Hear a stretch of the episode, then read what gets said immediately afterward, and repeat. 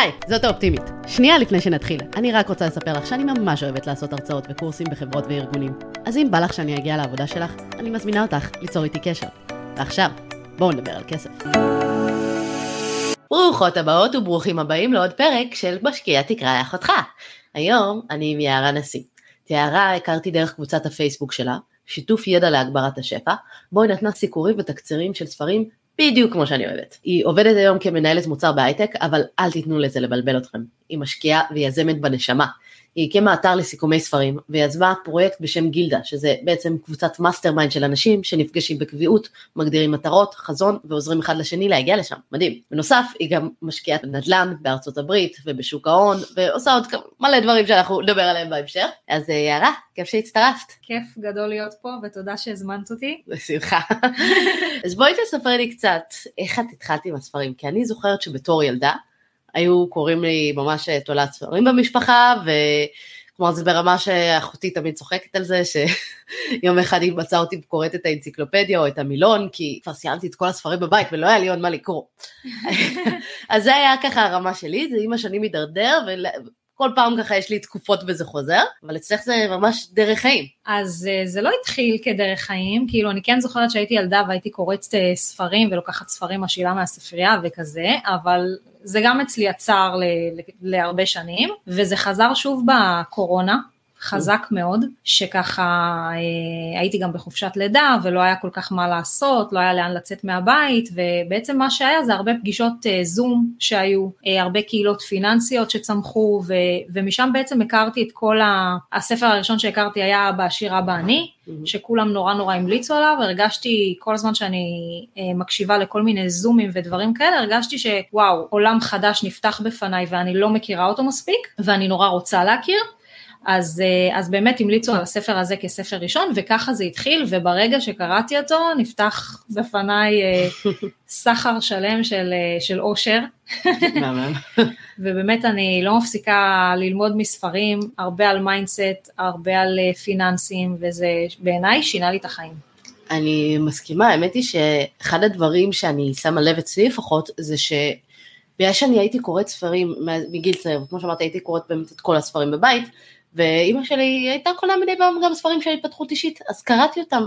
ואני זוכרת שגם מגיל צעיר, כלומר, למדתי את השיעורים שרוב האנשים, אה, את יודעת, לומדים אותם הרבה לפני, וזה כאילו מרגיש שחסך לי הרבה מאוד בעיות מנטליות בעתיד, רק אה, לגמרי. ללמוד כל מיני טיפים קטנים, כמו לא להשוות את עצמך אף פעם לאחרים, אלא רק למי שהיית בעבר.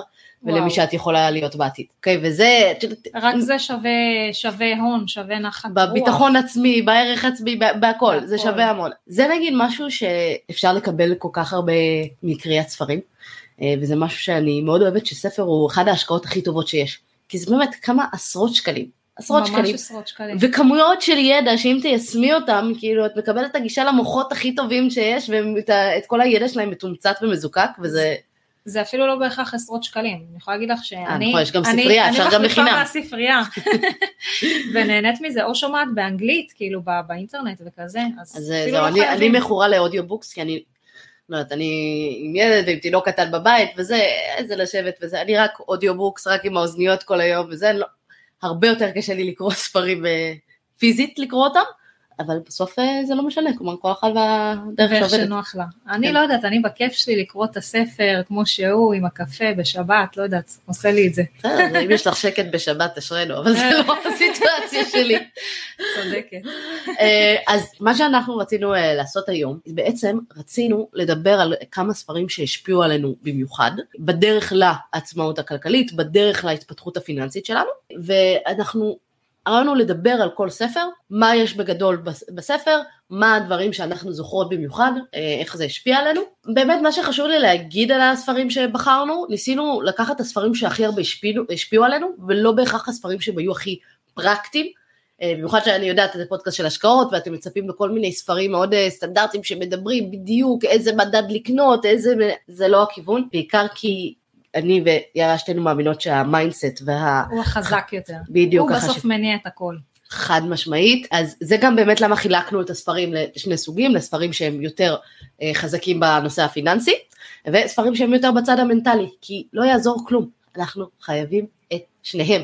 כדי להתקדם. צריך שהמוח שלנו יקבל את זה שמותר לנו להרוויח כסף, וצריך גם ללכת באמת ולדעת איך להרוויח כסף. ואת התחלת בלספר על הספר הראשון שרצינו לדבר עליו, אבא עשיר, נכון. אבא אני. אז באמת זה היה הספר הראשון, שככה... אה, אני גם ממליצה להתחיל ממנו, הוא ממש פשוט, מלא בידע, אז ככה מסופר על אה, רוברט קיוסקי שיש לו שני אבות, אב אחד שהוא אה, אבא אני, שבעצם הוא הלך לאוניברסיטה, ובעצם אני הרגשתי, נורא התחברתי, הרגשתי כאילו זה, זה ההורים שלי, שכל הזמן אמרו לי, לכי, תלמדי, תעשי תואר ראשון, תעשי תואר שני, ובאמת עשיתי, ו, ו, ובעצם הוא מוביל אותך ל...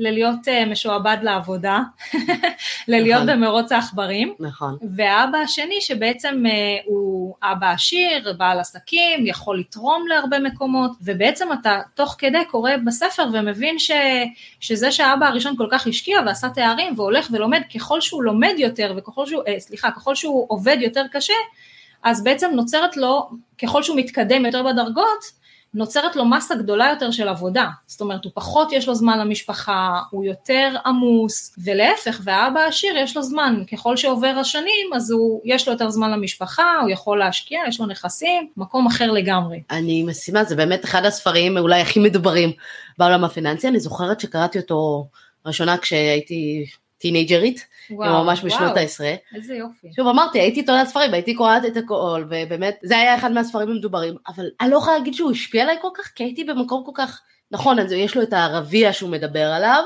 שזה העובד אה, שכיר, עצמאי שהוא אה, זה, איך הוא קרא לזה? מקצועות חופשיים, רופא, עורך דין כאלה שהם נכון. כאילו one person אה, show, כאילו עבודה שמוכרים את השירותים אבל הם לא שכירים. יש ביזנס אונר, שזה להקים עסק שמישהו עובד ואז כאילו את רק אה, מקבלת את ההכנסות ואת הרווחים מהעסק, ואינבסטור, אה, שזה בעצם להשקיע. ואז הוא דיבר על ערבייה, והוא אמר רוב האנשים נמצאים באי, באמפלואי, בשכיר, ואני זוכרת שקראתי את זה, ואמרתי אוקיי, אבל נכון שמה שהוא אומר זה ברור לי שעדיף לי להיות משקיע, אבל איך אני אשקיע? או להיות בעלת עסקים שיש אנשים אחרים שיעבדו ואני פשוט אהיה הבעלים של העסק וזה. איך עושים את זה? איך זה? כלומר, לא, לא הכרתי בכלל משהו אחר, לא היה מישהו סביבי אחר. בגלל זה אולי הספר הזה פחות השפיע עליי, כי לא הייתי במקום שבכלל היה פתוח לקבל את זה. אמרתי, אוקיי, זה רעיון מעניין, וזה, אבל אין לי כסף להשקיע, את היכולות. אה, אני לא יודעת להקים עסק. זה גם כמו שאמרנו, הנושא של ה mindset סופר סופר חשוב. נכון. כי העקרונות שהוא מלמד באבא השיר אבא אני הם עקרונות מעולים. כן אני חייבת להגיד, במאמר קצת אה, אירוני, שבהמשך השנים, רוברט קיוסקי אה, עשה פשיטת רגל לחברה שלו שמלמדת תכנים. הוא עשה איזושהי וואו. חברה יחד עם דונלד טראמפ, והם פשטו רגל, דווקא החברה שעושה את הלימודים. ואנשים ביקשו את הכסף חזרה, זה, היה שם באמת בלאגן גדול. באמת אירוני. כן, אירוני או משהו. לא, דונלד טראמפ פשט איזה שש פעמים את הרגל, זה בקטנה בשבילו. אבל אני לקחתי מהספר הזה עוד, עוד המון דברים, זאת אומרת לקחתי את החלק הזה שהוא מדבר על זה שכל הזמן צריך אה, ללמוד ולהתפתח, נכון. ושבית ספר זה רק, רק ההתחלה. והוא מדבר על זה שכסף זה, זה משהו שהוא נורא נורא חשוב וצריך אה, להתמקד בו, ושכסף זה כוח חזק, וכשבעצם קראתי את כל הדברים האלה, הבנתי, קודם כל זה היה אחד הדברים שגרמו לי לפתוח את הקהילה, שאמרתי אני רוצה להתחייב כל הזמן להמשיך וללמוד, וכשאני מתחייבת להעביר את הידע אז אני חייבת לצרוך ידע, אה, וגם זה שהוא אמר שכסף זה נורא חשוב וצריך להפוך למומחה, אז בזה בעצם לקחתי כל מיני קורסים, מיד אחר כך התחלתי לקחת קורסים ומאז לקחתי המון המון קורסים, גם בנדל"ן בארצות הברית, גם בשוק ההון, גם בכל מיני מחוזקות לרווחים, אה, ביטחון עצמי, כל ספר, כל, אה, כל קורס וכל ספר שעוסק גם ב mindset אבל גם בכלים יותר פרקטיים, אז זה משם. הוא גם דיבר על עוד משהו יפה שהוא אומר, קודם תיתן, אל תחפש אה, רק לקבל, תהיה נדיב עם מה שהעולם נתן לך. וזה בדיוק ככה הרגשתי, שכאילו אני מסכמת ספרים בכל כך, נכון. בכזה ease, כאילו בכזה כיף, זה לא מרגיש לי כמו איזה עבודה או כמו איזה מטלה, אני עושה את זה באמת גם בשביל עצמי, אז, אז למה שאני אשמור את זה ב Google Drive שלי? אז כל הדברים האלה נורא חיזקו אצלי את המקום הזה, ו- ואחריו באמת אה, הרבה דברים השתנו אצלי. לגמרי זוקפת אה, לזכותו של אז אני אומרת, אצלי נראה לי באמת הבעיה שקראתי אותו מוקדם מדי, או שאני פשוט לא הייתי בראש הנכון, זה היה כזה, אוקיי, זה רעיונות טובים, אבל אין לי מה לעשות עם זה, כאילו אני מקסימום עושה פה בייביסיטר ובכלל לא הייתי בראש הזה. כן יכולה להגיד שהיה איזה מישהו שלמדתי איתו בתיכון והוא קרא את הספר ובאמת התחיל זה ליזום והפך להיות משקיע נדל"ן והיום הוא גם מתעסק בתחום. וזה, כן, כלומר כן אפשר לעשות, צריך פשוט להיות בראש הנכון, זה לא שאני אמרתי, טוב, אני תלמידת תיכון, אני לא יכולה לעשות, אבל עובדה, הוא כן עשה. אז לפעמים גם אה, זה קריאה שנייה, זאת אומרת נכון. הספר לא משתנה, אבל אנחנו מאוד חד משתנות. משמעית. ואז הקריאה השנייה היא, יש ספרים שאנשים אומרים לי, כמו חשוב והתעשר, שעוד מעט נדבר, שאנשים אומרים שהם קראו חמש פעמים ויותר, ו... כן, וכל פעם זה משהו אחר. חד משמעית. הנושא הזה, באמת אה, אבא עשיר נחשב לאחד הספרים הכי טובים למתחילים, כי הוא נורא קליל, והוא גם כזה סוג של מוכר את החלום, ומתאר, ואיזה כיף, וכולנו היינו רוצים את אבא עשיר הבאדי, והוא כאילו הספר הראשון שכולם מדברים עליו, אבל היו הרבה ספרים לפניו. אוקיי? ואחד הספרים שאני זוכרת שהשפיעו עליי, ואולי כי אני גם הגעתי אז ב mindset הנכון, זה נקרא שהכסף או החיים, של אה, ויקי רובין וג'ו דומינגס. הוא בגדול מדבר על זה שאנחנו יכולים לבחור אה, לעבוד כל החיים בשביל הכסף, או שהכסף יעבוד כל החיים בשבילנו. זה נשמע כאילו בחירה no brainer, מה זאת כן. אומרת? למה שנבחר וזה, לעבוד כל החיים בשביל הכסף? אבל בפועל זה מה שהם עושים. הדבר שהכי נשאר איתי, התרגיל, וואו, המשפט הזה שאמרת עכשיו, הוא השאיר אצלי חותם. אני אפילו לא זוכרת מה אמרתי. אמרת שכאילו, שכביכול הבחירה היא טריוויאלית, אבל עובדתית, כולם בוחרים באותו מסלול. נכון. אז דיס- דיסוננס מטורף, וכאילו זה המציאות שלנו. נכון, וזו המציאות. הוא בא והוא עושה ממש בכל הספר עבודה של ממש להראות כמה זה סוג של טיפשי וכמה החיים והזמן בגדול, הזמן שלנו שווה הרבה הרבה יותר מכסף. כי כסף אני תמיד יכולה להרוויח עוד, אבל זמן שבזבזתי, אני לא יכולה להרוויח. אנשים שעבדו כל החיים, הגיעו לגיל פרישה ועכשיו הם חולים ולא יכולים ליהנות מזה, לא יכולים לחזור אחורה ולתקן את זה. באמת, אני זוכרת שהוא עשה תרגיל שממש נשאר אצלי, ואני מאוד אוהבת אה, לעשות את זה עם אה, אנשים שאני מלווה, אם זה מרגיש לי רלוונטי, במיוחד אנשים שיש להם אה, בזבזנות כרונית או כאלה. הוא בא ואומר, בואו תחשבו כמה עולה שעת חיים שלכם. לא שעת עבודה, לא זה, כמה שעת חיים. הוא אומר, תיקחו את כל השעות שלכם של העבודה, עכשיו בואו נניח נעשה את התרגיל הזה איתך, תמציאי מספרים, אל תגיד את. המספרים האמיתיים, אבל הוא בא ואומר, אוקיי, עד כמה שעות עובדת ביום? נגיד שתשע. אוקיי, נגיד שתשע, אבל את צריכה לנסוע לעבודה? יש לך את הזה, את צריכה להתארגן לעבודה? להתארגן, זה- להתאפר. וזה. כן, אז יש עוד לנו עוד זמן. איזה שעה לפחות, אז, ואז חזור גם? למזלי אני עשר דקות נכון. מהעבודה, אבל, נכון. אבל אני, אבל עשר שעות, בואי אוקיי. ניקח עשר שעות. אוקיי, סבבה, עשר שעות, התכוננות, כאלה, זה, אז הוא אומר, בואו תיקחו את כל הדברים שהם מעבר. כלומר, באמת, אתה ה... קונה אוכל, אתה זה. לקנות אוכל בחוץ, כי את, כי את לא יכולה להיות בבית לבשל, וכל הדברים האלה. כל, להגיע הדלק שאת אה, שורפת בדרך, או כרטיסייה לאוטובוס אם את אה, לוקחת, כל העלויות שיש לך בכלל כדי לעבוד, אוקיי? והוצאות שאם לא הגיע אפילו לך... לקנות בגדים. כן, נכון, זה גם באמת. הוצאות. בגדים של עבודה, וואו, כמה בגדים לעבודה הייתי קונה כשהייתי אה, זה. הוא אומר, בואו תיקחו את כל הטוטל הזה, ותחשבו כמה כל, אה, כל העלויות, ותיקחו את כל הטוטל של כמה זמן באמת אתם עובדים בפועל, כי רוב האנשים יגידו, אני עובד משרה מלאה, משרה מלאה זה תשע שעות, לך, זה תשע. נכון, 45, אבל רק דיברנו, הגענו לעשר, אבל נכון. אם אנחנו נחשיב גם את הזמן שאת צריכה ללכת כדי לקנות בגדים לעבודה ולהתאפר לפני כן ולהסיר את האיפור בערב כי זה, אה, שיכול להיות שאם היית עובדת מהבית לא בהכרח היית עושה את כל הדברים האלה, לפעמים יש עבודה בערב, לפעמים יש אה, אה, טלפונים כאלה שעות וזה, נוספות. שעות בטח. נוספות כאלה, אז להגיד תשע שעות זה לא באמת, חד משמעית. אוקיי? עכשיו לא תראה לו את זה לפני, באמת. אז נגיד ש-11 שעות ליום זה הערכה קצת יותר מדויקת. מסכימה. אוקיי? אז אנחנו אומרים 11 שעות ליום, חמישה ימים בשבוע, זה בעצם 55 שעות, אוקיי? נכפיל את זה בארבע, זה יצא 220, תודה שאת בודקת אותי. אוקיי, אז בעצם את עובדת 220, זה הכמות השעות שהולך לך לעבוד. ואז אומרים כמה את מרוויחה בנטו, לוקחים את המספר שאת מרוויחה בנטו, אבל מזה מחסירים באמת את כל ההוצאות שיש, כמו שאמרת, לקנות את הבגדים, לקנות את האיפור, הדלק שעולה לעבודה, כל ההוצאות. למרות שהנטו זה לא כזה נכון, כי איפה הפנסיה, קרן השתלמות, זה גם, זה בסוף כסף שהוא שלך. אוקיי, נכון, את צודקת, אבל לא. נקשה על התרגיל. בסוף הרעיון הוא לראות, לראות כמה עולה באמת שעת חיים שלך, אפשר להכניס את הדברים האלה, הייתי מכניסה קרן השתלמות, פנסיה, לא יודעת, כלומר זה, זה מה שנקרא רחוק יחסית. לא, אנחנו נראה, זה לא הונאת פונזי, אוקיי? יש פרקים גם על זה. ואז הרעיון הוא באמת לקחת את, את כל ה, כמה שאת מרוויחה בחודש, בניכוי כל ההוצאות האחרות שיש לך, נניח את מוציאה אלף שקל על דל, בחודש על דלק, בגדים, איפור, כל מה שקשור לעבודה, אז לקחת את ההכנסות נטו שלך, שוב, כדי להקל, רוצים להוסיף את כל ההפרשות לפנסיה והדברים שאתם מקבלים, תוסיפו את זה גם, מה שנקרא תפדלו, מורידים מזה את כל ההוצאות, ואז את מחלקת את זה ב-220, ואז את מגלה כמה נטו באמת שאת עבודה שלך שווה. כן? זה, זה נשמע, זה מתחיל להישמע עצוב. זה נשמע נורא עצוב, אבל אז מה שהוא אומר זה תתחילי לחשוב על החיים, על כל הוצאה, לא על החיים, על כל הוצאה במונחים של כמה שעות את צריכה לעבוד מזה, כמה שעות חיים זה שווה לי. ואז נניח הגעת למסקנה ששעת עבודה שלך היא 100 שקל לשעה. ואז את נכנסת לזארה ורואה שמלה, ואת אומרת, האם הייתי מוכנה לעבוד 5 שעות בשביל השמלה הזאת, כי השמלה עולה 500 שקל. ואז פתאום את אומרת, לא, זה לא שווה 5 שעות מהחיים שלי, אני לא, בחיים לא הייתי 5 שעות הולכת פיזית ועובדת זה. מרגיש שאת משנה את החשיבה לדבר הזה, אני זוכרת שממש קראתי את הספר הזה בתחילת הדרך, היה לי נורא קל להוריד את ההוצאות בחצי, כי הבנתי באמת כמה אני מרוויחה באמת לשעה, וכמה זה אומר לא רק במונח של כסף בבנק, אלא בחיים שלי. Mm-hmm. כמה שעות אני צריכה לעבוד כדי לממן את הדבר הזה, אוקיי? וכן, הייתי מוכנה למשל לעבוד חודש בשביל שבוע טיול בחו"ל. Mm-hmm. כן, נניח. אבל לא הייתי מוכנה לעבוד עכשיו אה, זה, יום שלם. בשביל זה, שמלה. כן, בשביל שמלה. זה גורם להרבה אנשים פשוט פתאום להוריד משמעותית ההוצאות, כי, לא יודעת, הספר הזה עשה לי שינוי mindset אה, רציני, לא שהייתי כזה בן אדם חומרי לפני כן, אבל הוא גרם לי להוריד ממש את כל השטויות, כי שוב, תנסו את התרגיל הזה בבית, אני מבטיחה לכם, תשבו באמת עם המתמטיקה והכל, תחשבו כמה באמת באמת זה עולה, או שתקראו את הספר, כי הוא ממש מסביר את זה יותר טוב ממני. אין מצב. מה?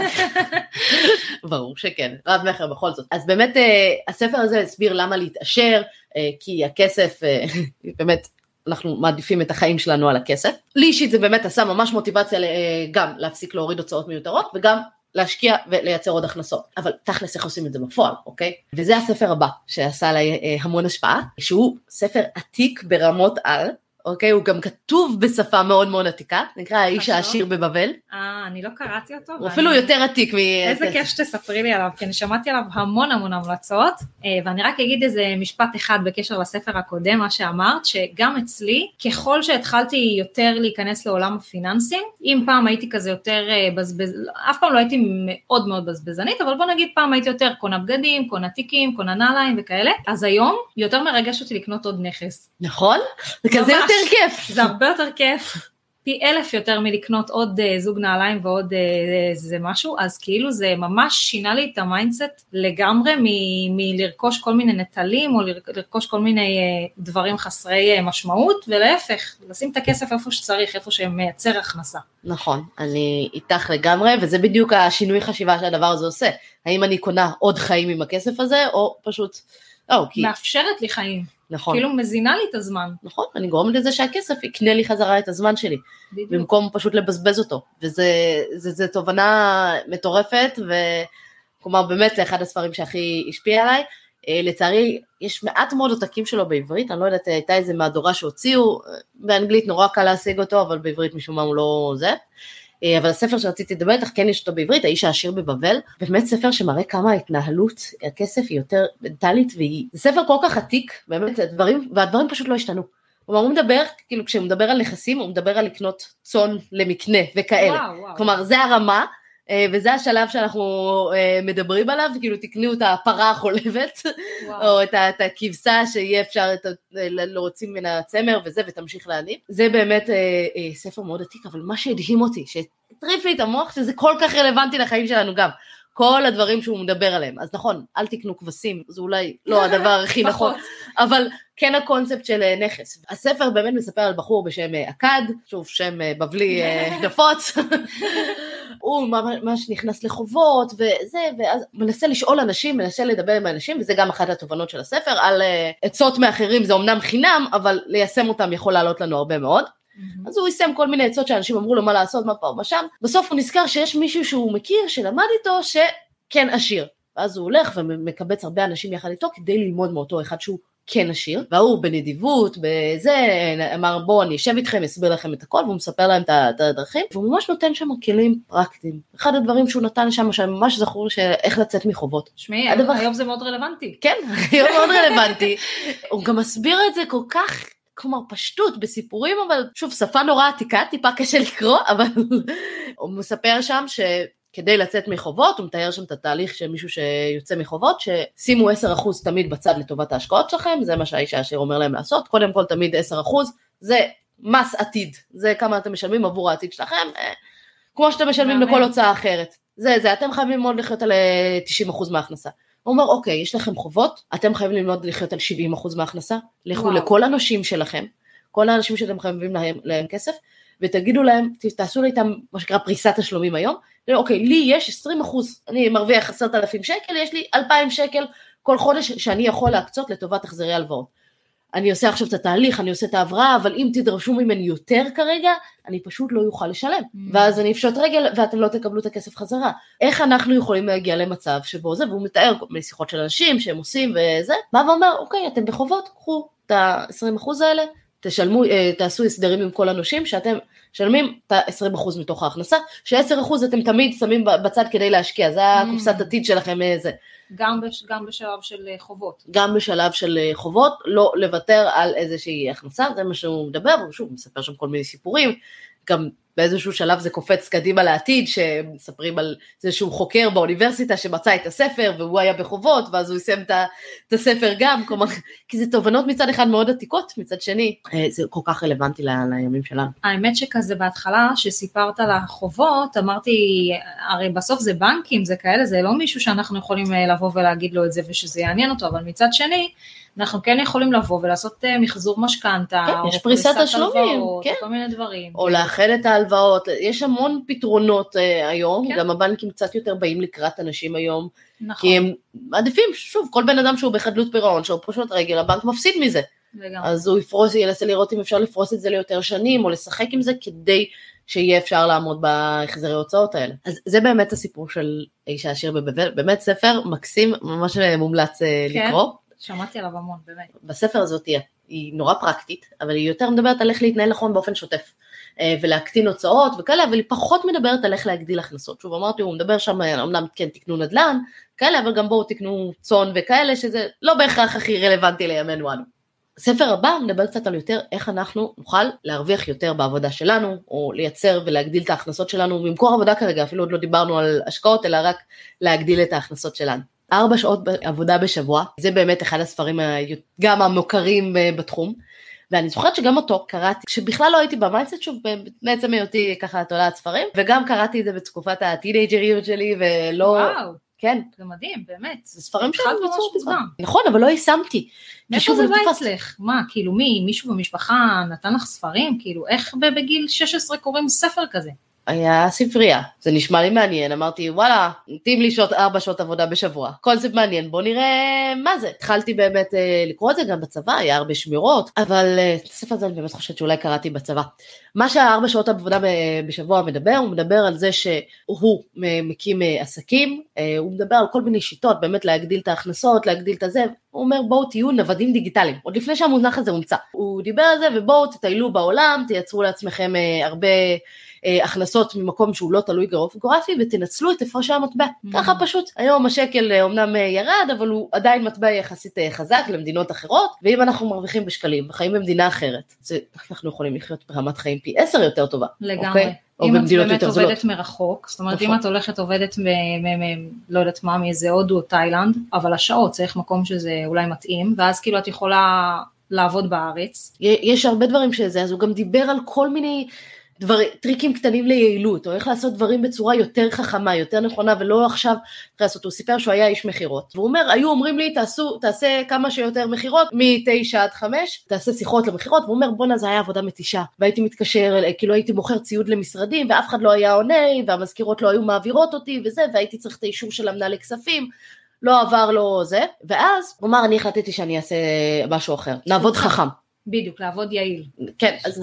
אז הוא סיפר שמה שהוא עשה, הוא התחיל לעשות שיחות ב-8 בבוקר וב-6 בערב. והוא אומר, ואז מהר מאוד הוא הפך להיות האיש מכירות המוביל. למה? כי הוא הבין שהוא כל פעם מגיע למזכירה, והמזכירה לא מעבירה את המודעה שלו. הוא אומר, אני אגיע בשעות שהמזכירה לא נמצאת. וואו. יותר מוקדם, ואז זה, זה. המנהלים, המנכ"לים, בדרך כלל נשארים יותר מאוחר. אז הוא היה מגיע כבר אליהם, מצלצל ומגיע אליהם ישירות. מדהים. ואז הוא היה מדבר איתם ישירות, עושה להם את המכירה וסוגר, במקום שזה, ואז הוא הפך להיות אה, הוא אומר, אז הייתי עובד שעתיים במקום יום שלם, והייתי עושה הכי הרבה מכירות, והוא אומר, בזמן הזה כבר הקמתי עסק אחר. ואז הוא פשוט כל הזמן הקים עסקים שמאפשרים לו באמת לטייל בעולם ולעשות כל מיני דברים בשיטות שהן יותר חכמות, יותר יעילות. אה, אז הוא גם מדבר על לנצל הרבה הפרשי מטבע, לעשות המון outsourcing, המון מיקור חוץ. כלומר להקים עסק שבו בסוף אני נשארת רק הבעלים. אה, נכון, הוא מדבר על אה, לייתר את עצמך מהעסק. נכון. זאת אומרת, לססטם אותו בצורה כזאת שאתה ממש יכול להוציא את עצמך מהעסק. נכון, אז הוא ממש נותן כלים ושיטות לדברים האלה, ואומר פשוט צריך לחשוב מחוץ לקופסה, כמו הדוגמה הזאת עם השיחות טלפונים, מתי לעשות את זה, וזה מקצץ את שעות העבודה דרמטית. נכון. אז הוא נותן כל מיני כלים איך לעשות את זה בשעות העבודה שלנו, והוא נותן כל מיני דברים אה, איך לעשות, והוא אומר, אני עשיתי דברים וטיילתי בעולם, והייתי במלונות הכי מפוארים, וה- והכל וזה. הוא אומר, אני, אם מסתכלים על השווי הנקי, אני לא כזה בן אדם עשיר. פשוט אני מנצל את המרווחים. גם אנשים אחרים עובדים בשבילי, אז אני כל פעם מקים עסק, עובד. הוא מדבר גם על לעשות כל מיני מיני וקיישנס, שזה אני נורא אוהב את הקונספט. נכון, זה מדהים היה לראות. שזה- שכאילו שהוא יוצא לכמה חודשים, נכון. כאילו הוא בשנה. הוא אומר, אני עושה את העסק, מקים עסק, מייתר את עצמי, בונה את הסיסטם, ואז טס לכמה חודשים, מטייל, מטייל בעולם, הכסף עדיין אה, נכנס. אז אומר, אל תחכו עד לגיל הפנסיה, להיות. בזה. ליהנות מהחיים. נכון. בואו ת, ת, תעשו לעצמכם מיני חופשות, תעשו לכם אה, חל"תים, תעשו לכם אה, טיול במקסיקו בזמן הקורונה, תעשו כל אבל- מיני דברים כאלה. אבל בתור מישהי עצמאית, אני, אני היום שכירה, אז אצלי זה הרבה פחות אפשרי, כרגע לפחות. אבל נגיד את בתור עצמאית, את, את רואה את זה כמשהו שהוא, שהוא קיים, שהוא כאילו, את מסוגלת לראות את עצמך שלושה חודשים עכשיו אה, עוברת למקסיקו ו, והעסק ימשיך לעבוד? אני העברתי שמונה חודשים למקסיקו והעסק המשיך לעבוד, אם את לא זוכרת. אני זוכרת. אבל העניין הוא כזה, שוב אמרתי שאני קראתי אותו כשהייתי יותר צעירה, תיכון, צבא, לא זוכרת בדיוק, ואני עכשיו בדיוק התחלתי לקרוא אותו שוב. אני זוכרת שאז שקראתי את זה אמרתי, אוקיי, רעיון מגניב, אבל אני לא רואה איך אני איישם את זה, אולי אני איישם את הטיפים שהוא נותן לשכירים, לזה, גם אז לא כל כך עבדתי מסודר, לא היה לי איך ליישם את זה. אבל כל הרעיונות האלה נראה כזה, סיכוי שאני? אקים עסק גלובלי. להעסיק עובדים וזה, והיום אני קוראת את זה שאני כבר כן עם עסק משלי, ואני כן אה, אה, מנהלת מוצרים וזה, ואני אומרת, אוקיי, צודק, מה הבעיה? בוא ניישם את הכלים שיטות ונעשה. אני אשתנה, הספר אותו דבר, אבל אני כבר כל כך השתניתי, שפעם הדברים האלה, לא היה לי בכלל מושג איך לגשת לזה, היום זה נשמע לי, אוקיי, בסדר, קלי קלות, אני רק צריכה לשנות את זה ואת זה ואת זה, ואפשר לעשות את זה. לזה לקרות. כן, וזה אפשר, כאילו ב mindset שלך זה אפשרי כבר. כן, זה אפשרי, כי זה המון mindset של אה, שכירים מול עצמאים, והוא גם מדבר על זה אה, לא מעט בספר, אבל להיות מוכנים. זה גם מה שהספרים האלה נותנים, כלומר פותחים לנו את הראש לאפשרויות שהדבר הזה קיים, ובהתחלה כשניתקל בזה, נגיד מה פתאום, אפשר, איך יוצאים לחופש כלכלי, איך מתחילים לטייל בעולם, ואיך איך לוקחים חופשה של כמה חודשים ולא עובדים. נראה לי שאתה צריך ללמוד אה, לסמוך על אנשים, לשחרר. כאילו נגיד אני לפעמים מרגישה שאני יותר מדי כזה one man show, כזה מנסה הכל לעשות לבד, וכאילו יותר קל לי לעשות לבד, אני יודעת מה אני רוצה, אני מאוד משימתית, לחלוטין. כאילו אני יכולה לעשות הכל בעצמי, לא, לא מרגישה, ו, ויש לזה גם חסרונות, כי זה מאוד מתיש אה, לפעמים, אבל אני חושבת שדווקא כשאתה סומך על אנשים ומעביר להם את הסמכויות, אז אתה יכול להשתחרר מהעסק ולגדול, ולעשות נכון. אפילו עוד דברים. את צודקת, זה האתגר הכי גדול שלי בעסק אה, בימים אלה, את צודקת. כי אני מצד אחד כל כך אוהבת מה שאני עושה, ואני כל כך אה, זה, אבל לאט לאט אני לומדת להוציא החוצה את הדברים שאני פחות אוהבת, את כל החלקים אה, מחוץ, ופשוט לעשות, להתמקד רק בדברים שאני אוהבת, כי אחרת באמת בשביל מה העסק. נכון. נכון מאוד. אז ארבע שעות עבודה בשבוע בעיניי זה ספר שהוא, צריך לקרוא אותו גם בשלבים שונים שלנו בחיים, כי מקבלים ממנו דברים אחרים, אבל הוא באמת מדבר גם איך שכירים יכולים להרוויח יותר, מדבר על כל מיני אה, שיטות יזמיות, בואו תעשו את העבודה שלכם יותר יעיל, בואו תבינו מה הבוסים שלכם באמת רוצים, על בסיס מה הם מתגמלים את אתכם. יודעת, אני עכשיו נזכרת שעל השכירים, כשאני קראתי את הספר, אז הוא דיבר לדוגמה שאם אם אתה רוצה, תעבוד מהבית, כאילו אם אתה אוהב לעבוד מהבית, אז כשאתה עובד מהבית, תראה לבוס שלך שהתפוקה שלך מהבית היא הרבה יותר טובה, היא פי שתיים, וככה הוא ירגיש בנוח לתת לך לעבוד מהבית. אז הוא מלמד אותך כל מיני שיטות, כן. גם לשכירים. כן, כן, זה, זה, זה באמת, הוא דיבר, אני זוכרת שהוא דיבר עם מישהו שהוא יביא איתו, שאפילו לא היה במכירות, והוא סגר איתם עסקה שהוא י, יעשה שיפור במערכת תמורת אחוזים, ואז פשוט הבן אדם התחיל לקבל אחוזים, וה, והחוזה היה לא תלוי בזה שהוא עובד שם בכלל, אז הבן אדם ממשיך לקבל עוד אחוזים ועוד אה, זה, גם הרבה אחרי שהוא עזב את אותה חברה. הוא. יצר לעצמו איזושהי הכנסה פסיבית, אז יש שם כל מיני דברים אה, נורא אחלה מגניבים. טיפים. כן, אחלה טיפים שמאוד כדאי ליישם, ואני באמת אומרת, תקראו את הספר הזה בשלבים שונים בחיים שלכם, ובהתחלה זה יהיה מה, נו באמת, הוא עשה כל מיני, כל מיני טריקים מלוכלכים שהוא סיפר עליהם, אה, שהוא אומר שזכה בליגת אה, ההיאבקות הסינית, הוא זכה, כאילו, אני זוכר שזה נורא עצבן אותי, שהוא זכה באיזה ניצחון טכני, וכי הוא עשה לעצמו איזה דיאטת כסח רצינית כדי שהוא יגיע ל... זה הולך שם לפי דרגות משקל. אז הוא הגיע לדרגת כאילו משקל כשמדדו אותו בשקילה כמה ימים לפני, דרגת משקל יותר נמוכה, 아, אה, ואז בסדר. חזר לעצמו ואכל כמו שצריך, העלה חזרה במשקל ואז הוא העיף אותם שוב. קצת לא חוקו, גם הוא עושה את זה טכני על ידי להעיף אנשים מתוך ה... זה לא באמת לזכות בהאבקות. אז יש כל מיני אבל דרכים לעקוף, שזה הרעיון הוא לא העיקרון שאנחנו חשבנו, שזה באמת אה, מבחינת הספרים הפיננסיים, שאני יודעת שזה לא היה proper השקעות, אבל זה באמת הספרים שמדברים איתנו על איך להיפתח לעולם ההשקעות, איך להגדיל את ההכנסות, איך להתייעל בהוצאות, ובצורה שהיא באמת גם מתחברת אלינו. Mm-hmm. אלה ככה היה הספרים שרצינו לדבר איתכם על אה, בתחום הפיננסי, ואני יודעת שהיה בהם הרבה mindset, אבל עכשיו אנחנו נדבר על דברים שהם באמת mindset proper. ויערה, את אמרת לי על ספר שמאוד מאוד השפיע עלייך, שאני חייבת לציין שעוד לא קראתי. איזה, היה משהו נפלא עומד להתרחש? כן. יואו, ספר מדהים, אני ממש ממליצה. אז הוא מספר על אה, יוסי שעבר אה, תאונת דרכים ותאונת אופנוע, והוא, יח... והוא עסק איזה 20 שנה ב-NLP, זאת אומרת זה לא איזה מישהו שהוא אה, ככה, את יודעת, לא מבין ב mindset. וכשהוא עבר את התאונה הזאת, אז מן הסתם הוא יכל לחשוב, וואי, נגמרו לי החיים, ושלא נדע, שבר תשע צלעות, ואיזה אסון וכדומה. אבל הוא אמר, שלהפך, שכאילו הוא התרכז בזה, הוא ראה את זה כנס, הוא מצא את זה כנס, הוא אמר נשארתי בחיים, אשתו שהם ביחד, אני לא זוכרת, 40 או 50 שנה, סעדה אותו והייתה איתו כל יום ותמכה בו ועזרה לו וכל הזוגיות שלהם השתפרה.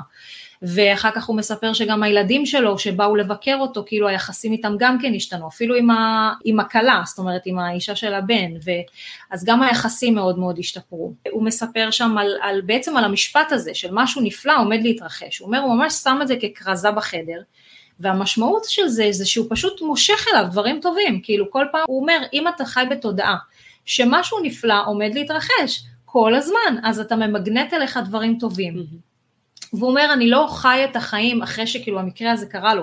הוא לא חי את החיים מתוך איזושהי תחושה שאנחנו באיזה פרומו לחיים. אנחנו בחיים, זה הזמן, לא לבזבז אותם, לא לחכות, לא לפחד, כאילו לא לתת לפחד לנהל אותנו, שזה חוזר על עצמו בהמון המון ספרים. והוא מדבר על זה שלדוגמה הוא מספר שם ש...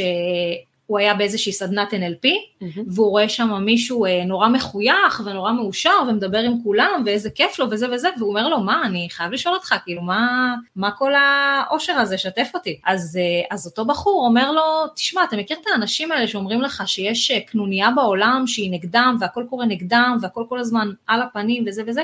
אז הוא אומר, אז אני מרגיש בדיוק ההפך. אני מרגיש שיש קנוניה בעולם שהתאגדה כדי שיהיה לי טוב, כדי שכל הדברים הטובים יקרו לי, וזה עובד, והנה, והבן אדם שמח ומאושר. והוא אומר שכל דבר הוא הופך לחוויה, זאת אומרת, הוא עכשיו נוסע אפילו לרופא, הוא אומר, אני יש לי פלייליסט של שירים, אני מתכנן לי איזה מסעדה אני יוצר בדרך עם אשתי, באמת, כל, כל דבר הוא הופך ל, לחוויה. מעניין. ממש, באמת, שם לך את זה ממש עם זרקור על, על כל הטוב. אז uh, הוא אומר שלכל דבר בסוף זה הפרשנות שלנו. נכון. זאת אומרת, הסיטואציות בחיים זה, זה עובדה, זה מציאות, זה מה שקרה. אבל בסוף אתה יכול לפרש את זה ולהחליט איך אתה לוקח את זה, לאיזה מקום. ו... הסיפור שאנחנו מספרים לעצמנו על מה שקרה. בדיוק. זה לא באמת מה שקרה. בדיוק. אז זה בדיוק מה שהוא מתאר, האמת שקראתי אותו בתקופה שאני באופן אישי הייתי בתקופה לא טובה, והוא ממש אה, שיפר לי את המצב רוח. אה, מדהים. באמת באמת, אמיתי. זה וגם עוד ספר שאנחנו לא נדבר עליו, אה, לא תכננו לדבר עליו היום, אבל אה, גם הוא מאוד עזר לי בתקופה פחות טובה של 366 דלתות ללב, הוא גם כן מדבר הרבה על mindset ותחושות ומה, ו, ו, ומה לקחת ומה לא לקחת ופרשנות וכל מיני דברים כאלה. וגם הוא, אני מאוד ממליצה למישהו שצריך ככה לזקק ולרפא את הנפש ברגעים קשים, אז הוא גם אה, בדיוק כזה. אוקיי. Okay. אני מאוד, מאוד אוהבת את הגישה של לקחת דברים שהם אה, גרועים ולהפוך אותם למשהו טוב, אוקיי? לאופטיביים, אם אומר. אה, בעולם ההשקעות, את יודעת, כשיש לי הפסד בהשקעות, וגם זה קורה, אז אני לוקחת את זה כאוקיי, כשיעור, מה אני לומדת מזה, מה אני יכולה לעשות יותר טוב. כששוק ההון יורד, אז נכון, התיק השקעות שלי גם יורד, אבל אני אומרת, יאללה, שופינג, אפשר לצאת לסיילים, כאילו הדברים במבצע סוף עונה וכאלה, אז זה באמת הדרך אה, אה, להתמודד עם הדברים הרעים שקורים לנו, למצוא בהם את הטוב. אבל הספר הבא, שעליי דווקא השפיע מאוד אה, אישית, זה איך להתמודד עם הדברים הטובים. וואו. וזה קטע מטורף, כי אף אחד לא מדבר על זה. אה, זה ספר של דוקטור אה, פסיכולוג בשם אה, גיי הנדריקס, אה, שנקרא The Big Leap, אוקיי, הקפיצה הגדולה. לצערי, אני לא ראיתי שהוא תורגם לעברית, אני קוראת הרוב באנגלית. אבל הוא טבע את המונח של אזור הגאונות, אם יצא לך אה, לשמוע עליו, זה. הוא דיבר על הרמות האלה, אבל מה שנורא נתפס אצלי שם, זה באמת הדבר הזה שהוא מדבר על, אה, הוא קורא לזה The Upper Limit Problem, בעיית הגבול העליון, או תקרת הזכוכית של האושר שלנו. הוא אומר, כולנו מתוכנתים לאיזושהי רמה של אושר אה, מסוים, ותמיד אם יקרה לנו יותר מדי דברים טובים ברצף, אנחנו נמצא את הדרך להרוס את זה. הוא מספר כל מיני סיפורים על אנשים שהוא פגש, למשל על מישהו שהוא אה, מיליונר ומצליח בעסקים שלו, ויש לו כמויות של כסף וזה, והוא רב עם אשתו על הנייר טואלט שהיא קונה שהוא יקר מדי. וואו. הבן אדם כאילו באמת מרוויח בכמויות, קונה, בתי נופש וזה, והוא רב איתה. לפעמים מדברים, הוא אומר, למה אתה, אתה, אתה רב איתה? וזה מסתבר שהוא כאילו באמונה שלו, לא מאמין שמגיע לו שיהיה טוב כל כך גם בעסק וגם בזוגיות. אז הוא פשוט מצא את הדרך להרוס את הזוגיות, יש מעין חבלה והרס עצמי, ואנחנו עושים את זה בצורה שהיא לא מודעת. מהמם. ואחד הדברים שהוא דיבר, הדרכים שאנחנו עושים את זה הכי טוב לעצמנו אה, בצורה שהיא לא מודעת, זה על ידי דאגה. ודאגה חסרת בסיס. אוקיי? לא אם יצאתי ושיט שכחתי את ה... אה, אם שכחתי את הגז דולק או כאלה, כי לזה יש בסיס, והוא גם אומר, אוקיי, אז תחזרו, ת- תכבו את הגז, ת- תראו, תקשרו למישהו, תשאלו אם זה נשאר דולק. אבל הוא אומר דברים שהם, מה יקרה אם אני אמות עכשיו, מה יקרה אם תהיה תאונת דרכים, מה יקרה אם זה, מלא דאגה. מחשבות. מלא מחשבות שעוברות לכולנו תמיד בראש. ואז הוא אומר, זה הטריף את השכל, תשימו לב מתי אתם דואגים הכי הרבה. מתי? ואז אני קולטת מתי אני דואגת, ופתאום שמתי לב שזה ברגעים שהכי טוב לי. וואו. זה כאילו המוח בא ואומר, טוב לך מדי כרגע, רע, אל תשכחי שיכול להיות רע, כן? שלא אל תרשי לעצמך להיות וואו. יותר טובה. והוא מדבר ממש על הבעיה הזאת של, כאילו אנחנו לא מאמינים באיזשהו מקום, או שלימדו אותנו שאי אפשר שיהיה טוב בכל המונחים. אז הוא אומר, אה, אני ממש זוכרת שכל פעם שמצאתי את עצמי מודאגת, מוטרדת ממשהו, אמרתי, רגע, בוא נעצור סטופ, נסתכל סביב מה קורה סביבי, ואז אני כזה, מה, אני בנופש עם המשפחה שלי. יואו. כאילו אנחנו בבריכה ונהנים, למה אני חושבת על אה, תאונות דרכים ודברים כאלה? או אני בדיוק בארוחת ערב רומנטית, או בדיוק בדברים, ש... הכי כיף. ב- בדברים שהם כיפים, כאילו אז מגיעה הדאגה, ואז הוא גם נותן את הפתרון, כי חלילה לא יגיד, אה, רק ד- כמובן המודעות זה חצי מהפתרון, אבל הפתרון הוא פשוט לעשות הוקרת תודה. הוא אומר, תעצרו רגע, תראו איפה אתם, מה קורה סביבכם שאתם דואגים כל כך, ש, שפתאום קפצה לה הדאגה חסרת הבסיס לכלום, כי הרי זה קורה לכולנו. תעצרו ואז תוקיעו תודה על המקום שאתם נמצאים בו, על איפה שאתם, וזה אוטומטית ככה מחסל את הדאגה. עוזר מאוד, יש עוד כל מיני פתרונות שהוא מדבר, אבל זה באמת המשמעותי ביניהם, להתמודד עם הבעיית הגבול העליון שלנו, אה, שאנחנו לא שמים לעצמנו תקרת זכוכית לאושר, ולא מרשים לעצמנו להיות מאושרים יותר מדי. האמת שזה מזכיר לי שבספר של אה, מועדון החמש בבוקר שנדבר עליו אה, עוד מעט, אז באמת הוא מדבר שם על, אה, בדיוק על זה גם כן, שבעצם אנחנו, אה, יש לנו את המוח העתיק, ככה הוא קורא לזה, שפעם אנחנו היינו נורא, אה, את יודעת, מפחדים מ, לא יודעת, שמישהו יטרוף אותנו, או כל מיני דברים כאלה, מרעשים, מכל מיני דברים, אז זה בעצם המוח העתיק, ובעצם כל פעם כשאנחנו, אנחנו כל הזמן חרדים, כל הזמן מתוחים, כל הזמן דרוכים לדבר הבא שיקרה, נכון. ובעצם כשאנחנו להפך, כשאנחנו בדיוק בפריצה שלנו, כשאנחנו עושים איזשהו משהו גדול יותר, משהו שהוא מרגש אותנו, משהו שהוא מתחבר ליצירתיות שלנו וכדומה,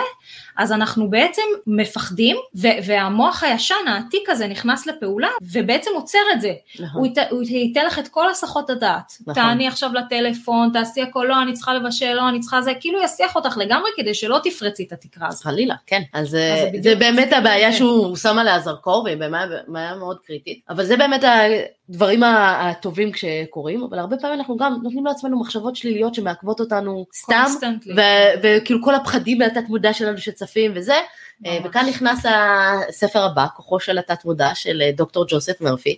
גם זה ספר מדהים ומומלץ. האמת שהוא ספר קשה לקריאה, קצת מזכיר לי גם ספרים שאמרת שהם קשים לקריאה, אז אה, מומלץ לקרוא את הסיכום לכל הפחות. כי באמת יש לו אחלה תובנות. אני מהספר הזה לקחתי את זה שהוא מדבר על אה, תהיה האדריכל של חייך, וכמה כוח יש לתת מודע ולמחשבות שלנו. בעצם, אם אנחנו מאמינים, התקרה של מה שאנחנו יכולים להגיע, היא לעולם לא תעבור את מה שאנחנו, איך שאנחנו תופסים את עצמנו. אם אנחנו מאמינים שאנחנו יכולים להגיע למשכורת מסוימת, או זה לא, זה בכלל לא חייב להיות רק פיננסי, למרות ששתינו ככה אה, אוהבות, אה, את יודעת, לשים מטרות אה, פיננסיות, אבל, אבל זה באמת לא רק. אז, אז כאילו כל אחד ומה שואף להגיע אליו, אתה לא תגיע ליותר ממה שאתה מדמיין שאתה מסוגל, ובטח לא, לא סביר שיותר מהתוכניות שתציב לעצמך. נכון. והוא אומר שהזמן הכי טוב לתכנן בעצם הוא דווקא בלילה, כאילו לפני שאתה הולך לישון, הבנתי שיש גם איזה גלי אלפא או משהו בסגנון, אבל לא מהספר הזה. תטא?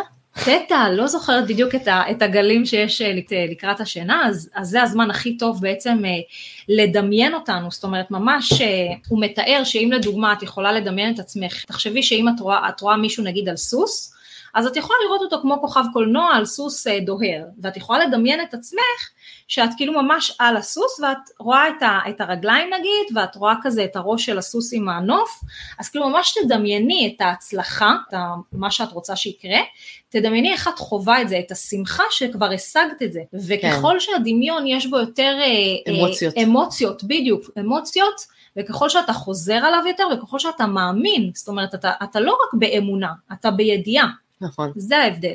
אז כשאתה ב, בידיעה שזה הולך לקרות, המוח שלך בעצם בזמן השינה מייצר כבר את הפתרון, הוא סולל את הדרך. אני יודעת מה אני הולכת לעשות לפני השינה הערב. לגמרי. אז זה, זה באמת מדהים האדריכלות של החיים, ומחשבות ו mindset זה באמת קריטי להצלחה שלנו בכל תחום, ובפיננסי בפרט, אבל כדי להצליח לשנות את המחשבות השליליות אנחנו צריכים להסכים על כמה דברים, ולהתחייב לעצמנו לשינוי אמיתי. פה ככה ספר שאני חושבת מהבודדים פה שלא קראתי, ארבע הסכמות. ארבע הסכמות? אה, ספר כן. מדהים, באמת את חייבת, יש לי אותו בבית, אני יכולה להביא לך. אני יודעת שאני אקרא את האודיובוק, אשמע את האודיובוק. אה, אז ארבע הסכמות הוא בעצם מדבר על ארבע הסכמות אה, באופן מפתיע, בעלות עוצמה גדולה, וההסכמה הראשונה היא בעצם לשמור על תואר המילה, שזה מתחיל מזה שאתה, לא, שלא תגידי לעצמך כל מיני משפטים שגם אני הייתי אומרת לעצמי, לא יודעת, כל מיני לא ספציפית את אלה, אבל הוא אומר, נגיד אה, נשים שאומרות, אני שמנה, אני מכוערת, אני לא מספיק טובה, אני לא זה, וכאילו לא לדבר על עצמך במונחים לא טובים, להתחיל מזה. עוד משהו שהוא מלמד שם זה לדוגמה לשמור על יחסים טובים עם אנשים, זאת אומרת אתה בטוח שכאילו אם אתה, אה, שאם תדבר לא יפה לאנשים אחרים אז כאילו אתה מזיק רק להם, אבל זה לא ככה, כי השנאה שלהם תזיק לך. אז זה בעצם לשמור על תואר המילה, ומשהו שמאוד השפיע עליי בספר הזה, זה גם שהוא מספר אה, על אימא שכזה צעקה על הבת שלה, כאילו האימא חזרה מהעבודה והיה לה כזה כאב ראש והבת שלה, את יודעת, שיחקה וצחקה וצעקה ושרה לה והאימא כזה אמרה לה תסתמי כבר, כאילו, וכאילו אמרה לה איזה מילים קשות כאלה. והילדה באמת נהייתה, התכנסה ונהייתה ביישנית כזאת ופחות דיברה. ולפעמים אנחנו לא מודעים לכוח של המילים שלנו, והאמת שממש כשקראתי את זה, פתאום סלחתי, היה דברים שהייתי צריכה לסלוח עליהם בתור ילדה, ופתאום הבנתי, כאילו לא, לא לשפוט גם את האנשים, את יודעת, אף אחד לא חושב ש-20 שנה קדימה משהו שאמרת ישפיע, אף אחד לא עושה את זה מרע. נכון. אז באמת זה עזר לי לסלוח, וזאת ההסכמה הראשונה. ויש לו הסכמה אה, שנייה שהוא מדבר על, אה, על לא לקחת דברים באופן אישי. זה שמישהו אומר לך משהו, או ש... וזה ממש מופנה אליך, זאת אומרת הוא מדבר אליך ואומר לך אתה כך וכך. אז זה הרבה פעמים לא בהכרח משהו שקשור בך, זה משהו שהוא עובר, שאיך הוא רואה את הדברים מנקודת ראותו, מהנקודת ראות שלו. ממה שהוא עובר כרגע, לא לקחת את זה באופן אישי, זה שלו, זה יותר שלו מאשר שלנו. יש איזה סיפור או בדיחה למען האמת שמישהי כותבת ביומן שלה, הוא הגיע היום הביתה ו- וניסיתי לשמח אותו והוא היה מדוכא והוא לא דיבר ואולי זה משהו שעשיתי אתמול ואולי הוא לא אוהב את מה שלבשתי ואולי הוא לא אוהב את מה שאני אוכלת או זה וממש ככה צוות שם כותב סרטים על מה זה, הוא כותב ביומן שלו, הפועל הפסידו. כאילו, היא לקחה את זה נורא לאישי, מה היא עשתה, מה פה, מה שם, וזה, וכל אחד זה, זה המקום שלו. המון דברים שצריך לעשות, ואנחנו באמת אה, נחשוב חיובי, נסכים לעצמנו להגיד דברים טובים וכיף וזה, אבל איך באמת אפשר ליישם את הדברים האלה בפועל? זה נשמע נורא טוב והכל, אבל איך הופכים את זה לחלק מהיום יום שלנו? ופה נמצא אחד הספרים שבאמת צריך לקרוא אותו שוב ושוב ושוב, בעיניי באמת, זה הרגלים אטומיים של ג'יימס קליר. ספר מטורף שהוא חובה לכולם. אה, והוא מדבר על מה הולך לגרום לנו באמת להתמיד ולעשות את השינויים. כי מה שאנחנו מדברות אתכם עליהם זה באמת ספרים שאומרים לכם בואו תעשו פה איזשהו שינוי. שינוי חד פעמי, יש מעט מאוד פעולות, והלוואי והיו יותר כאלה, שאפשר לעשות כמו למשל להגדיר הוראת קבע נגיד למוצר השקעה, לאיזה קופת גמל להשקעה, שירד אה, כל חודש. ברגע שעשיתי את זה פעם אחת, אני לא צריכה להתעסק. אבל רוב הדברים הם לא כך, אה, ספורט, תזונה נכונה, אה, התנהלות נכונה מבחינה כלכלית, זה דברים שדורשים תרגול והתמדה יומיומית, שם הוא מדבר על הכוח של הרגלים, הוא מדבר על זה שמשפט שנורא אהבתי, אמר הרגלים זה הריבית דריבית של ההתפתחות האישית. מדהים. ואהבתי על המשפט הזה כי הוא כל כך נכון, והוא נכון. מספר שם סיפור, בעיניי הוא מטורף על איזושהי קבוצה של אה, רכיבת אה, אופניים שהייתה מתחרה ככה באופן אה, מקצועי, והם היו כל כך גרועים, ברמה שחברות אופניים לא היו מוכנות למכור להם אופניים. לתחרות, כן, שלא יקשרו אותם לכישלון שלהם, זה. היה הרמה.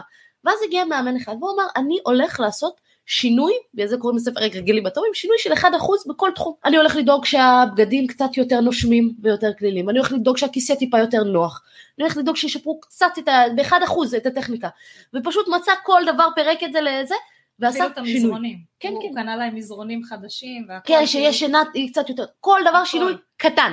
כן. אוקיי? ברגע שהוא עושה את זה, קבוצה שאחר כך הגיעה לניצחון והייתה הכי אנדרדוג ואף אחד לא האמין בה ובסוף הם ניצחו, בגלל שינויים קטנים. אז הוא מדבר על הדברים שהקטנים, אבל שאנחנו עושים שוב ושוב ושוב, שהם באמת אה, משפיעים, ואחד הדברים שאני לקחתי, כי נורא קשה להטמיע הרגלים חדשים, אה, במיוחד להחליף, אז הוא מדבר על אה, habit stacking, כלומר לשים הרגל אחד על השני. הוא אומר, תיקחו הרגל שיש לכם, נניח לצחצח שיניים, והרגל נוסף שאתם רוצים ליישם. אז נניח אתם אה, רוצים לעשות, אה, לא יודעת מה, הרגל של הוקרת תודה, חמש דברים של הוקרת תודה. אז אפשר לצחצח שיניים ולהרגיש, יש לי את ההרגל הזה כבר. מהמם. אז כל הפעם שאני מצחצחת שיניים, למצוא חמש דברים להוקיר עליהם תודה. ככה אני לא צריכה עכשיו לנסות להתאמץ. יותר מדי, לעשות זה, אני פשוט מקשרת את זה להרגל שהוא כבר קיים. מעולה. או להקל על עצמנו כמה שיותר, אם אני רוצה לשתות יותר מים, אז אני פשוט אדאג שיהיה לי בקבוק מים תמיד פה זמין, לחיים.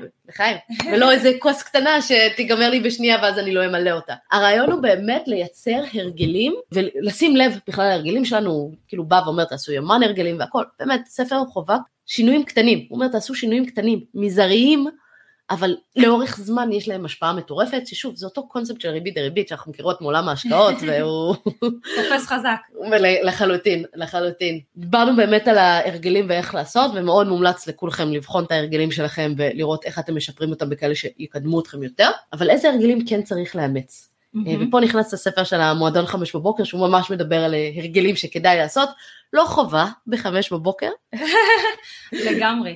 אני רק אגיד איזה מילה על הספר של הרגלים אטומיים, שגם, אה, אה, אה, הרגלים אטומיים? כן. כן, כן, כן. סבבה. לא, כי יש עוד כמה ספרים של אה, שבעת ההרגלים וכדומה, יש עוד כמה. שהוא גם כמעט אה, רציתי להכניס אותו לרשימה, שבעת ההרגלים של אנשים אפקטיביים במיוחד. בדיוק, בדיוק. ספר מדהים. מה שאהבתי שהתחלתי לקרוא אותו, ואז הוא בעצם אומר שהשינוי, כאילו אנשים נורא רוצים שהשינוי יהיה עכשיו. נכון. אני עכשיו עושה את השינוי, אני התחלתי לעשות ספורט לפני יומיים, עשיתי שני אימונים, למה לא רזיתי חמש קילו, למה המכנס עוד לא נסגר עליי? ספרי לי על זה. וכאילו התוצאות הן לא מיידיות, יש לזה השפעה מטורפת, אבל ההשפעה היא לא מחר בבוקר. אז כאילו צריך לתת לזה, להבשיל, לתת לזה את הזמן של זה, ולא להתייאש כל כך מהר. ועוד משהו שאהבתי שהוא מדבר על זה, של אה, זהות, שינוי זהות. זאת אומרת, נכון. אנחנו נורא מציבים לעצמנו מטרות, ועוד משהו שממש התחברתי אליו, שהוא אומר, אנחנו מציבים לעצמנו מטרות, ורק כשאנחנו משיגים אותם, אנחנו מאושרים. נותנים לעצמנו את האישור את להיות האישור. להיות מאושרים. והוא אומר, זה חשיבה כזאת צרה על אושר, שכאילו היא לא שמה אותנו באושר, היא שמה אותנו באושר לכל כך קצת זמן עד המטרה הבאה. הוא אומר, השלב הבא זה בעצם להתעסק ב- בשיטות, ליהנות מהשיטה, ליהנות מהדרך. אם החלטת שאת, לא יודעת מה, כל יום משקיעה ארבע שעות ב- בעסק שלך, אז אל תהני רק כשהגעת ל... לא יודעת, ל, ל, למספר לקוחות מסוים או למספר אחר. תהני מזה ש, שאת שם, שזה מה אה, שהחלטת. אני מאוד נהנית, הכל טוב. איזה כיף. והוא אומר שהשכבה העוד יותר עמוקה זה, זה, זה שינוי זהות, נכון. זאת אומרת לה, להתחבר לזהות שלי, להחליט, אפילו לשדרג, הוא אומר לש, לשדרג את הזהות שלי, להחליט איזה, איזה, איזה פרמטרים הם הזהות שלי, לדוגמה, אני רוצה לעזור לאנשים להגיע לחופש כלכלי, לדוגמה. אם זה הזהות שלך, אז כל שאר הדברים יבואו לך בצורה הרבה יותר אוטומטית, הרבה יותר טבעית. והוא אומר גם לא ל... לא לנסות לעשות משהו שבנ... שהוא בניגוד לזהות שלנו, כי זה לא יעבוד. לא, אוקיי. ההר- ההרגל הזה לא יתפוס. אז זה באמת הכי עמוק, והאמת שישבתי וקראתי את זה, ישבתי וכתבתי לעצמי את את הזהות שלי, וזה. באמת תרגיל, אה, תרגיל מומלץ. הנה, אני אפילו לא זוכרת את זה, ואת זה אנחנו כל פעם לוקחים מספר.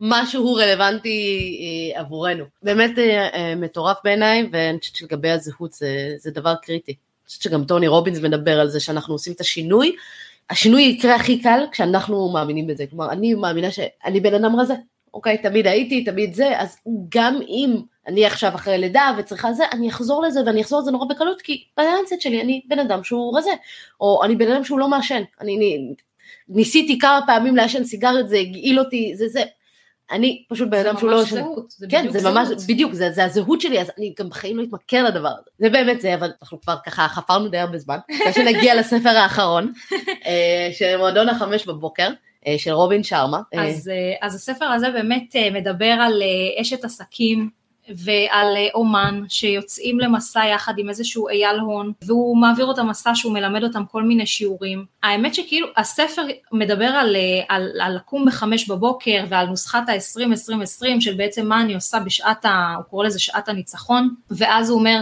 ב-20 דקות הראשונות אה, של חמש בבוקר, הוא אומר עוד קודם, אתה צריך קודם כל להכין את עצמך לישון בשעה עשר. עשר כזה, כבר בתשע להיכנס למיטה, להיות פחות עם מסכים, כדי להכין את עצמך, לשים את הנעלי ספורט ליד המיטה, זאת אומרת אתה בשגרת לילה. ואז בבוקר לקום בחמש בבוקר ויש לך עשרים דקות שאתה עושה בהם אה, אה, אימון אינטנסיבי, תנועה, ממש ברמה של הזעה, להזיע, לא עכשיו אה, סתם יוגה או משהו, כאילו ממש להזיע, אז זה במשך 20 דקות, אחר כך יש 20 דקות של אה, אה, הרהור, שבעצם אתה יושב, מדמיין, או כתיבה או חופשית. כתיבה חופשית, נכון, או מדיטציה, כתיבת יומן, שביומן הוא אומר, אל תכתוב ביומן רק את הדברים הטובים שאתה מוקיר עליהם, להפך, הוא אומר, אסור לאגור כל מיני רגשות של כעס, של... תשחררו הכל החוצה. שחרר, בדיוק, תוציא את זה, תכתוב. אז זה החלק של ההרהור, הוא אומר גם ליצור משהו, לח- לחשוב, להגות, כאילו, אז, אז זה השעה הזאת, שזה ה-20 דקות הללו, וה-20 דקות הבאות מוקדשות לצמיחה. שזה בעצם לשמוע פודקאסט, לקרוא ביוגרפיות, לקרוא מחקרים על חדשנות, על טכנולוגיה, על עסקים, אז באמת להתפתח. והוא אומר שנורא נורא חשוב לעסוק בשני דברים. או לקרוא ספר. או לקרוא אנחנו- ספר. זה זה שם.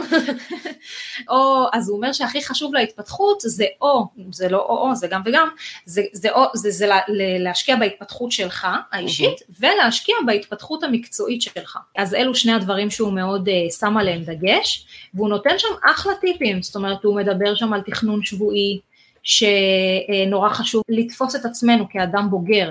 ולתכנן את השבוע שלנו, או לדוגמה הוא מדבר שם על בועות מיקוד, זאת אומרת להחליט שעכשיו במשך אה, שעה שלמה את עושה איזושהי משימה ואת לא, את בלי הטלפון, הטלפון יכול להיות Mhm. בחדר אחר, אז את ממש ממוקדת, עושה עבודה ממוקדת, והוא גם נורא מאזן בין עשייה לבין, לבין מנוחה, זאת אומרת יש לו כזה כלל אה, 60-10, ש-60 דקות אתה עובד בצורה רציפה בלי הפרעות בכלל, ועשר. דקות, ועשר דקות אתה נח, הולך, מתאוורר, שותה, מה שאתה רוצה תעשה, כאילו תשמע מוזיקה הכל. אז, אה, אז זה עוד טיפ טוב שהוא נתן, והוא אמר גם אה, נורא להסת- ליהנות כאילו, ליהנות מהבחוץ, זאת אומרת Mm. זה, זה ממש השפיע עליי, אני נגיד שבאתי ונסעתי אלייך, אז ככה עברתי דרך רחוב ביאליק ברמת גן, והוא כזה מלא אורות על כל העצים, וכל פעם שאני עוברת שם נורא כיף לי, נכון, באמת מאוד יפה. מזכיר לי את אה, פריז, I wish. הכי דומה לי, אז באמת כאילו ליהנות, הוא קורא לזה ניסים, כאילו תפתח את- את העיניים שלך לניסים, והוא אומר תשדר אהבה, אל תחליט את מי לאהוב ואת מי לא לאהוב, תחליט שאתה אוהב, תשדר אהבה. אז גם כלים מאוד מאוד פרקטיים של התכנון ושל הביצוע ואיך להתמקד ומה לעשות, והוא אומר גם שהצעד היישומי הכי קטן שווה הרבה יותר מהרעיון נכון. הכי גדול. חד משמעית, היישומי הכי טוב. אה, אני כן חייבת להגיד, לכל מיני מכם שאתם אומרים וואלה חמש בבוקר מטורף, אה, זה, אפשר אפשר לעשות את זה בשעות אחרות, במיוחד אם אין לכם ילדים. אה, אבל יש גם ספר שהוא באותו סגנון, הוא נקרא Miracle Morning, של הל, הל הרולד, אה, שהוא בעצם מדבר על, הוא קורא לזה סייבר, זה, הוא אומר יש איזה שישה דברים שאפשר לעשות, שאתם צריכים לעשות כל בוקר, הוא פחות נותן לזה את הזמן, אבל הוא גם אומר, ממש תמצת את זה לאיך תעשו את זה בשש דקות. הוא אומר כאילו אחד מהם זה לש... אה, לעשות אה, באמת אה, כושר כמו שהוא אומר זה כתיבה חופשית לעשות דקה של דומייה שוב זה בגרסה המקוצרת של שש דקות לעשות אבל הוא אומר Mm. תקומו בדרך כלל שעה מוקדם יותר בבוקר תשתו כוס מים קודם כל התייבשתם בלילה אז תחזירו לעצמכם נוזלים תדאגו לעשות ככה את הששת הפעולות הללו תייצרו את התרגיל הזה ואני חייבת להגיד אני לא מתמידה בדברים האלה אבל אני מרגישה כל כך יותר טוב וכל כך יותר אפקטיבית שאני כן מצליחה לעשות את הדברים האלה על הבוקר ולא כשאני קמה לפני הילדים והם לא לפניי. כן, כל היום נראה אחרת. נכון. לחלוטין ככה. ככה. אז אלה באמת אה, הרגילים שמאוד שווה ליישם, אה, ואני בטוחה שלכם גם יש. ויש עוד בערך 200 ספרים שרצינו ולא נכנסו. אה, לצערי הרב, אנחנו מאוד ניסינו למצוא גם את האלה שהיו משותפים לנו וגם אלה שמאוד מאוד השפיעו עלינו, ויש המון המון שלא אה, נכנסו, אבל אלה שאנחנו הכי אהבנו, ואני מקווה שנהנתם מהספרים האלה. אם תרצו עוד אה, ספרים אה, מעניינים ומרגשים בסגנון, אתם יכולים להיכנס לאתר, אני אשים לכם את הקישור לאתר של אה, יערה, שתוכלו למצוא שם את הסיכומי ספרים. המון המון תודה שהיית כאן. יש לך משהו שאת. רוצה להגיד ככה לקראת אה, סיום? אה, קודם כל תודה רבה שהזמנת אותי. והיה כיף גדול, והאמת שלקראת הפודקאסט אז אני עוד פעם חזרתי לסיכומים וקראתי שוב, וזה פשוט כיף, זה החזיר אותי ל mindset והחזיר אותי להרגשה והחזיר אותי לתחושה של מה יישמתי, כי בסוף לקרוא אפשר נכון. לקרוא בלי סוף, ואת יודעת אין סוף לידע, אבל בסוף זה, ידע זה כוח פוטנציאלי, נכון. ובסוף מה שאנחנו מיישמים זה מה שחשוב. אז תודה שהחזרת אותי, ותודה שככה חידדתי לעצמי כמה דברים, ובאמת היה לי תהליך כיפי. זה כיף. ותודה שבאת והכרחת אותי להיזכר בכל הספרים הטובים שקראתי. אה, אז תודה רבה לכם שהאזנתם, אנחנו נתראה בפרק הבא, להתראות. תודה רבה שהאזנת למשקיע תקרא לאחותך. להמשך העשרת הידע הפיננסי, אני מזמינה אותך לקרוא בבלוג, להירשם לערוץ היוטיוב ולקורסי ההשערה של האופטימית, וגם להצטרף לקבוצת משקיעים בדרך לעצמאות כלכלית בפייסבוק. אגב, מחקרים מראים שפרגון משפר את המצב הכלכלי. כן, כן, דירוג הפודקאסט או עמוד האופטימית בפייסבוק יאפשר לך גם לפרגן וגם לעזור להעביר את המידע הלאה. כל הכישורים שדיברנו עליהם נמצאים בתיאור הפרק, אז בלי תירוצים, הגיע הזמן למעשים. נתראה בפרק הבא.